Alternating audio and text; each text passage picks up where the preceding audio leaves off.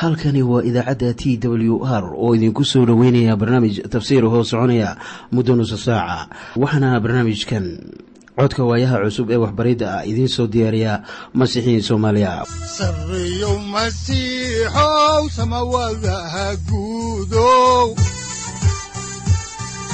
Siraadkii adduunkow subanaha eebow sareyow masiixow samawadaha guudow siraadkii adduunkow subanaha adigoo samaada soo saldhiganba adigoo kutubtiisanaye udanogu saaciiday sharxin sifahaaga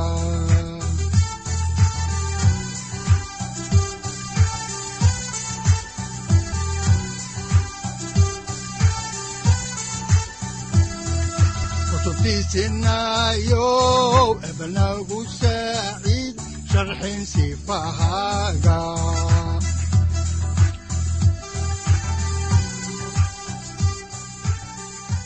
ku soo dhowaada dhegaystayaal barnaamijkeenna dhammaantiinba waxaan horay u sii ambaqaadi doonnaa daraasaadkii la magac baxay baibalka dhammaantii. Waxaannu horay idinku sii wadi doonnaa kitaabkii afraad ee muuse oo loo yaqaanno tirintii. Waxaan caawa idiin bilaabi doonnaa cutubka toddoba iyo labaatanaad. Iminkana aynu wada dhegaysanno khasiiddo gaaban oo ay inoogu luqeeyaan culimo masiixiyiin ah ee soomaaliyeed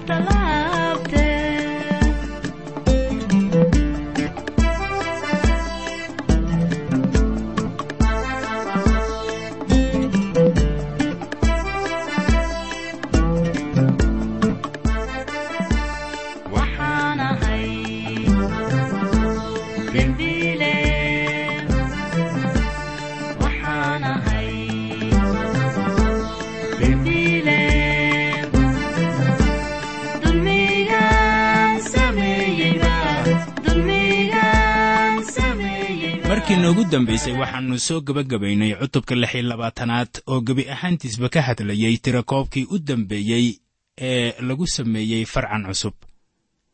Wax nool oo ka hadhay farcii hore waxaa ka jiray yeshuuca ina nuun iyo kaaleeb ina iyo funeh. Marka laga reebo nebi muuse oo addoonkii rabbiga ahaa haddaba laba maaddo ayuu ka hadlayaa cutubkan toddoba iyo labaatanaad waxaana weeye halka ay dumarku ku leeyihiin sharciga ama waxa xuquuqdooda haweenka laga leeyahay marka kitaabka laga eego. Waxaa kaloo ku qoran yeshuuca inanun oo xilkii hoggaamiyanimo kala wareegaya nebi muuse. Marka ay sidaas tahay ayaannu soo gaarnay qayb ka mid ah kitaabkan tirintii oo lagu xardhay farcan cusub.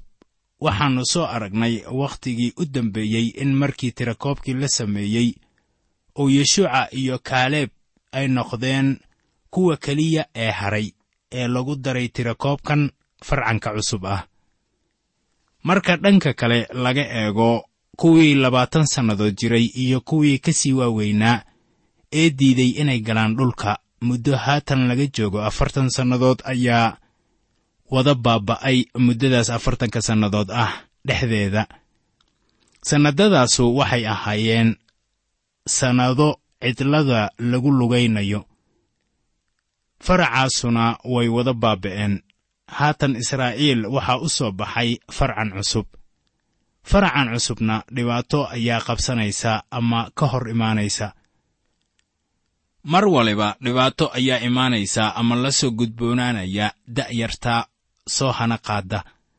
Si ay ku gartaan ama ku fahmaan faraca kale waayo farac waliba waxaa haysata dhibaatadiisa u gaarka ah. Waana wax xiise leh marka aynu ogaanno sida ay kala ahaayeen labadaasi farcan. Waxaana nin qoraa ahi leeyahay sidan baa loo qaybiyaa dadka nool qarniyada kala duwan. Markii aad nin yar tahay waxaad jeceshahay inaad eedayso kuwa odayaasha ah markii aad oday tahayna waxaad jeceshahay inaad eedayso kuwa da'yarta ah ama dhallinyarada ah. Taasina waa dabeecadda bini'aadanka. Marka aynu soo gaarno cutubkan toddoba iyo labaatanaad ee kitaabka tirintii waxaynu arkaynaa in farcan cusub haatan ay iyaguba lahaanayaan dhibaato cusub. Dabcan nebi muuse waxba kama ogayn waxa laga yeelayo markii dhibaatidanu ay timaado taasoo aynu idin akhriyi doonno.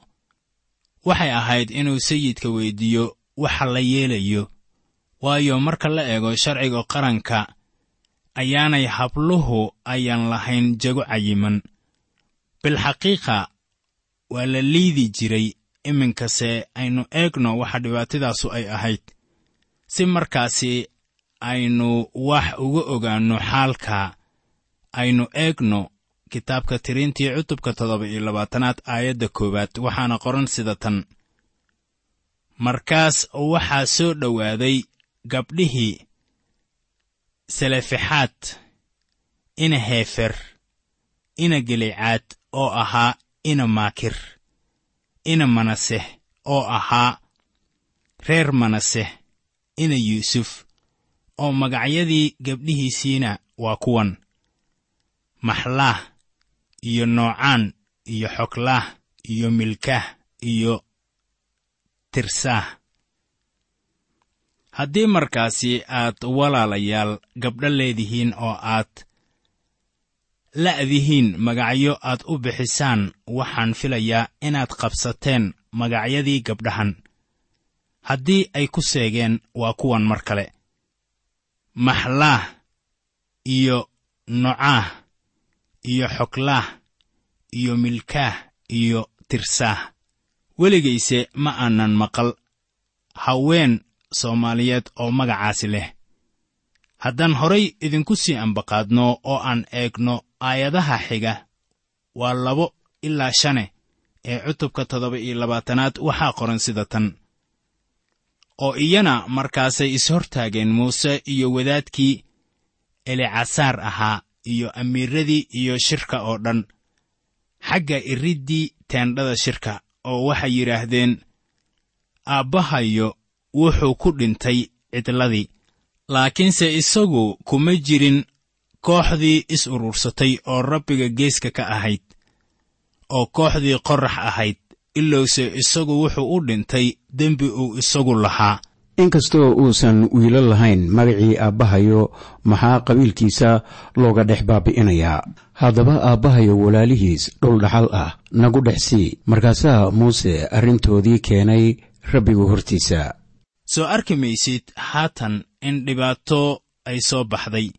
Ninkan la yidhaahdo saleefexaad wuxuu ku dhintay cidladii markii ay socotada ahaayeen.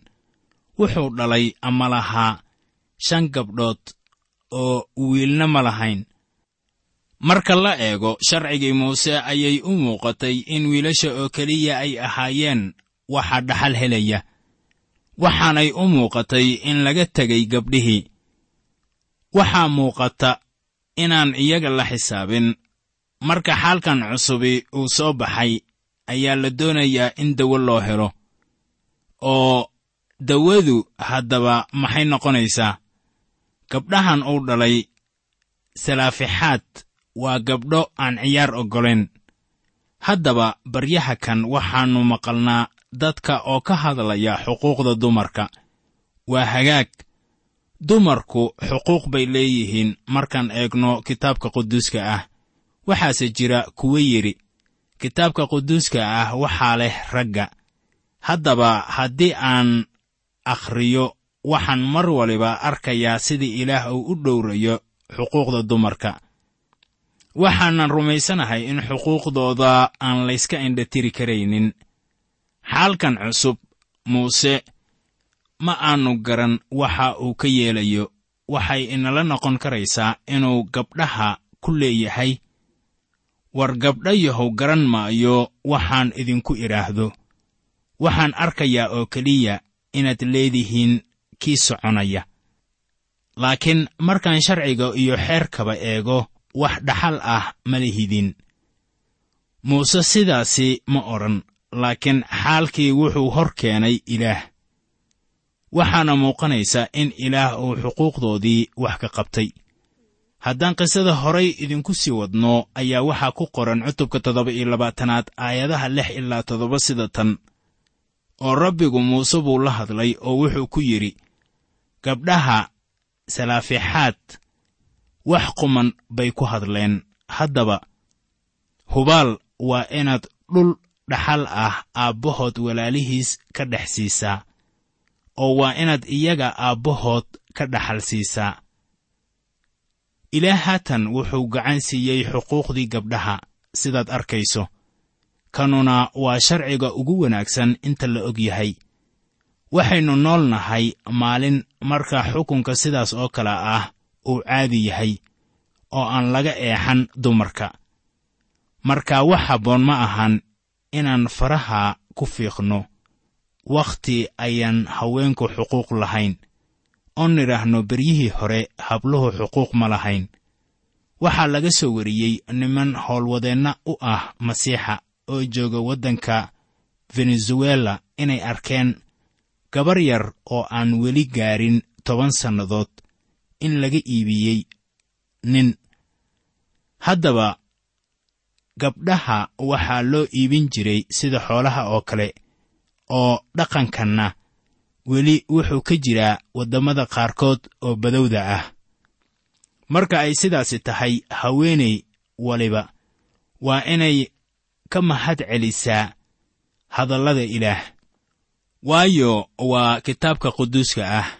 Halkii ugu horraysay ee habluhu xuquuqdoodu ay ka helaan ama aqoonsata. Waxaan hubaa inay taasu tahay wax wanaagsan. Waa markii ilaah yidhi gabdhaha saleefaxaad wax quman bay ku hadleen. Haddaba hubaal waa inaad dhul dhaxal ah aabbahood walaalihiis ka dhex siisaa oo waa inaad iyaga aabbahood ka dhaxal siisaa.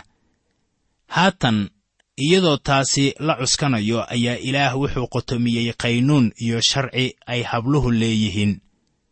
Haddaan horay idinku sii wadno kitaabka ayaa waxaa ku qoran cutubka toddoba iyo labaatanaad aayadaha siddeed ilaa kow iyo toban sida tan. Oo waa inaad reer banu israa'iil la hadashaa oo waxaad iyaga ku tidhaahdaa haddii nin dhinto oo uusan wiil lahayn markaas waa inaad gabdhihiisa dhaxal siisaa oo hadduusan gabarna lahayn markaas waa inaad dhaxal siisaan walaalihiis.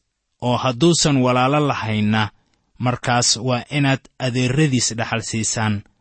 Oo hadduusan aabbihiis walaalo lahaynna markaas waa inaad dhaxal siisaan mid xigtadiisa ah oo isagu ha lahaado. Oo taasu qaynuun xukun ah bay u ahaan doontaa reer banu israa'iil sida rabbigu muuse ku amray. Haddaba tanu waa tillaabo horumar ah. Waxaana la qaaday kun iyo shan boqol oo sannadood ka hor dhalashadii ciise masiix. Waxaan la yaabaa geesinimada iyo hal adayga gabdhahaas. Waxaan kaloo la yaabaa rumaysadkii ay gabdhahaasu lahaayeen. Waxaa kitaabka cibraaniyadu ay leedahay sida ku qoran cutubka kow iyo tobanaad aayadda lixaad ee baalka saddex boqol sagaashan iyo labo ee axdiga cusub sida tan. Oo rumaysad la'aantiis ma suurtoodo in isaga laga farxiyo. Taasi aawadeed kan ilaah u yimaadaa waa inuu rumaysto inuu jiro oo uu yahay kan u abaalguda kuwa isaga doondoona shantan gabdhood waxay doonayeen inay dhaxlaan hantidii dhulka ee ku hagaagi lahayd aabbahood. Markaana ma jirin xeer ama sharci iyaga u oggolaanaya inay wax dhaxlaan. Markaana rumaysad bay ku weyddiisteen oo rumaysad baa dhaxal lagu siiyey. Waxaa markaasi halkan yaalla cashar wax ku ool ah oo aynu kala soo baxayno duruustan caawa. Waxaa laynoo sheegay sida ku qoran warqaddii rasuul bawlos ee reer efesos. Cutubka koowaad aayadda saddexaad in masiixa laynagu siiyey barako kasta oo ruuxa ka timid oo ku jirta meelaha jannada. Waxaan markaasi rumaysanahay in ilaah uu maqlo uu ka jawaabo salaadaheenna. Ma ahan oo keliya inuu barakooyinka ruuxa inagu barakadaynayo laakiin wuxuu inagu barakadaynayaa hanti. Waxaan rumaysanahay in badankeen aynu masaakiin nahay waayo ilaah uguma nimaadno sida carruurtiisa oo ma weyddiisanno isaga wixii aynu rabno. Bilxaqiiqa ilaah wuxuu doonayaa inuu noo wanaagsanaado. Markii aan eego noloshayda masiixinimada ah ayaan ku degdegin inaan ilaah weyddiisto hanti. Marka taasi laga yimaado waxaan leennahay hanti. Waxaana weeye hantida wanaagsan ee aynu ku yeelannay ciise masiix wuxuuna doonayaa inaan taasi ku weyddiisanno rumaysad. Gabdhihii salaafixaad way isa soo raaceen waxayna weyddiisteen hantidii aabbahood. Maanta waxaannu leennahay hanti ruux ahaaneed oo ay tahay inaan ilaah weyddiisanno aynu ilaah u sheeganno inaan doonayno dhaxalkeenna oo aynu weliba doonayno barakooyinka ruuxa. Wuxuu doonayaa inuu ina barakadeeyo. War maxay taasu wanaagsan tahay haatanna waxaynu soo gaarnay nebi muuse oo isku diyaarinaya dhimasho. Marka ay sidaas tahay ayaannu haatan nimid meel tiiraanyo iyo murugo badan. Waxaannu la soconnay nebi muuse ilaa iyo wakhti. Bilxaqiiqa isaga ayaa qoray kitaabka bilowgii oo waxaannu la soo soconnay ilaa iyo kitaabka bilowgii iyo kitaabka tirintii. Marka ay sidaan tahay waxaa loo diyaargaraynayaa sidii uu kaga tegi lahaa dunidan.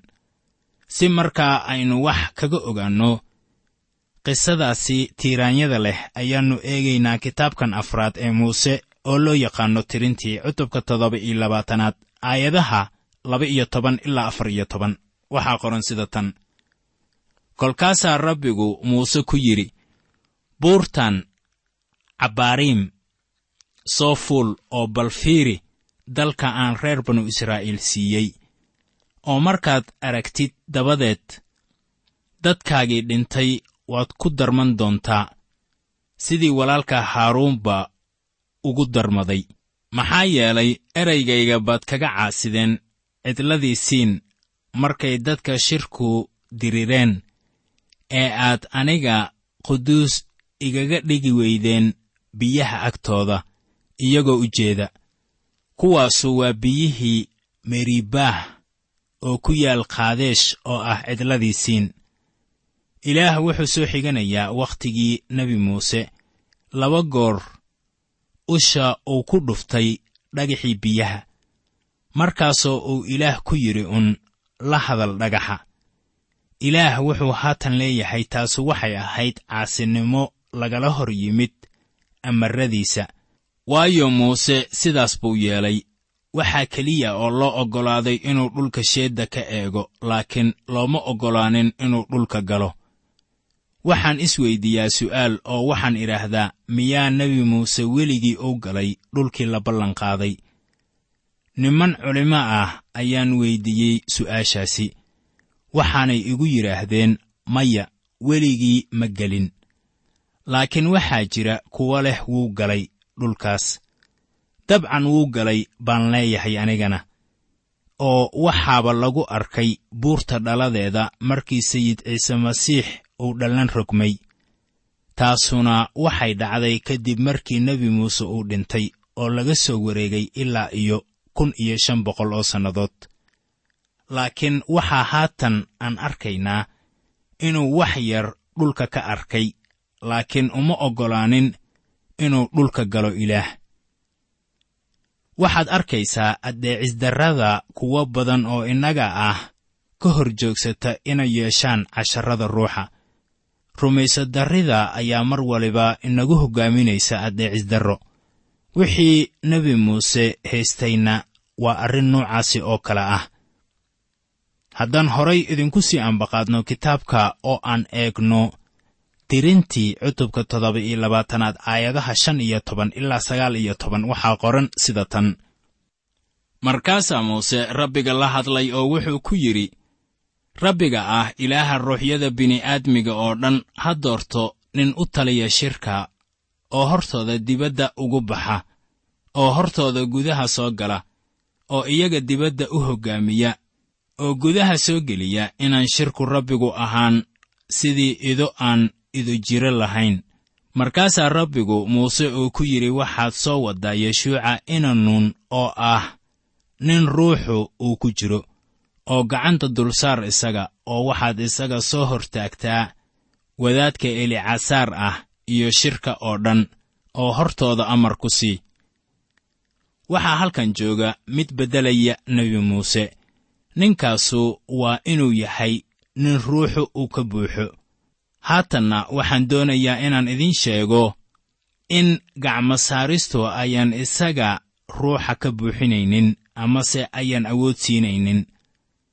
Waxaan rumaysanahay inaan gacmo saaristu ahmiyad lahayn waxaase ay muujinaysaa wehelnimo iyo taageero.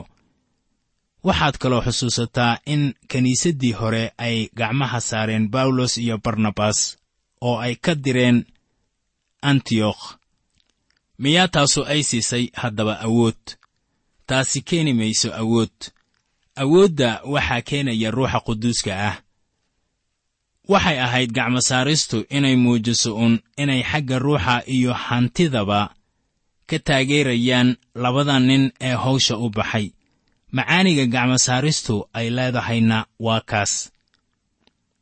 Markaana yeshuuca waa inuu ahaadaa kan beddelaya nebi muuse kadib markii nebi muuse hawshiisii ay dhammaatay ayaa waxaa halkaasi ka qaadanaya ama hawsha ka sii wadaya yeshuuca waxaanan yeshuuca si weyn wax uga ogaanaynaa markii aynu nimaadno kitaabka ku magacaaban ee la yidhaahdo yeshuuca waxaan doonayaa inaan wax ka idhaahdo markaana waxaan u malaynayaa in yeshuuca uu ahaa ninka ugu yaabka badan ee xerada ku jira markii loo doortay inuu beddelo nebi muuse.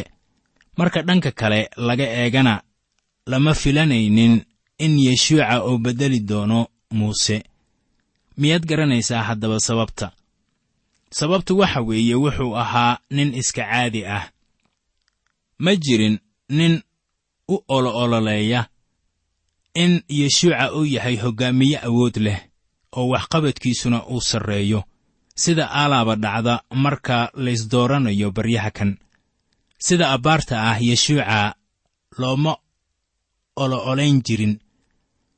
Wuxuuse ahaa qof iska caadi ah yeshuucana wuxuu u taagan yahay tusaale ah. Sida ilaah uu u beddeli karo qof caadi ah oo uu uga dhigi karo hoggaamiye weyn waxaan idinku leeyahay kitaabka yeshuuca iyo kan xaakinnada waa laba kitaab oo caaqibo leh. Aad baan u jeclahay labadaasi kitaab waayo waxay muujinayaan waxa ilaah uu ku samayn karo dadka caadiga ah. Markaana haddii qofku ilaah u maqlo ilaah wuu isticmaalayaa qofkaasi. Waxaa taasi loola jeedaa inuu aniga iyo adigaba ni isticmaali karo. Waayo dadka caadiga ah wuu isticmaali karaa. Marka ay sidaas tahayna adiga qudhaada wuu ku isticmaalayaa marka yeshuuca wuxuu ahaa kii la doortay waxaana loo doortay inuu beddelo nebi muuse. Waxaannu haatan arki doonnaa wakhti aan fogeen kadib markii nebi muuse uu dhinto. Waa dhammaadka kitaabka sharciga ku noqoshadiisa eh in yeshuuca uu qaadanayo hoggaamiyenimada haddaan soo koobno cutubkan toddoba iyo labaatanaad ayaa waxaa ku qoran aayadaha laba iyo labaatan ilaa saddex iyo labaatan sida tan. Markaasaa muuse yeelay sidii rabbigu ku amray oo wuxuu soo waday yeshuuca. Kolkaasuu soo hortaagay wadaadkii elicasaar ahaa iyo shirkii oo dhan oo gacmuhu dul saaray oo amar buu siiyey sidii rabbigu muuse kula hadlay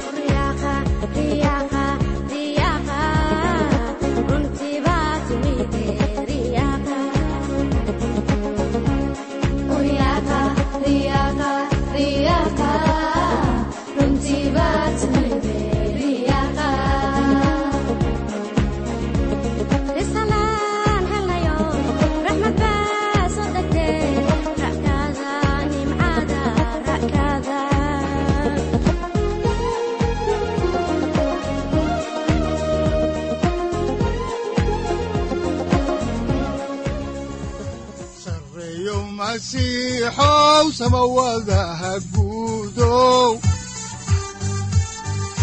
siraadkii adduunkow subanaha eebow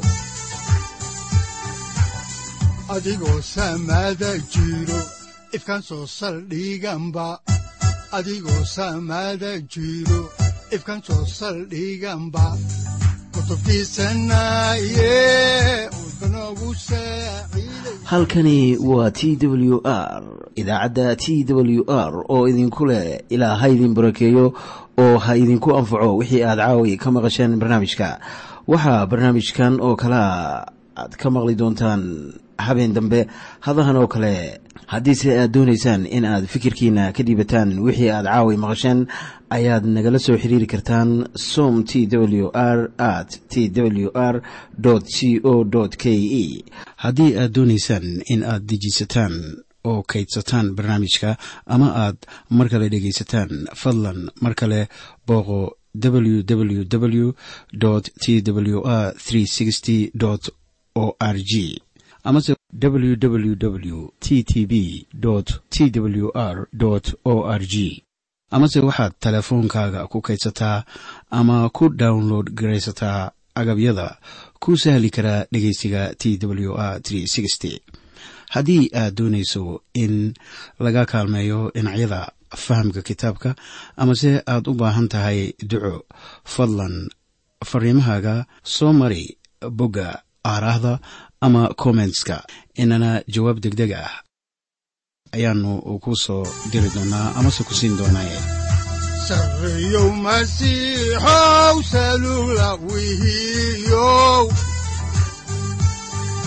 saacadda timid dhulka sabada ku dhalatiyo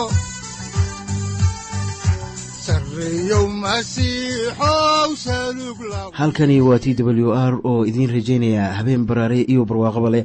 Inta aynu ka gaari doono wakhti aynu ku kulanno barnaamij la mida kan caawayay aad maqasheen. Waxa aan idinku leeyahay nabadda ciise masiix ha idinku badato xagga jidhka iyo ruuxaba. Aamiin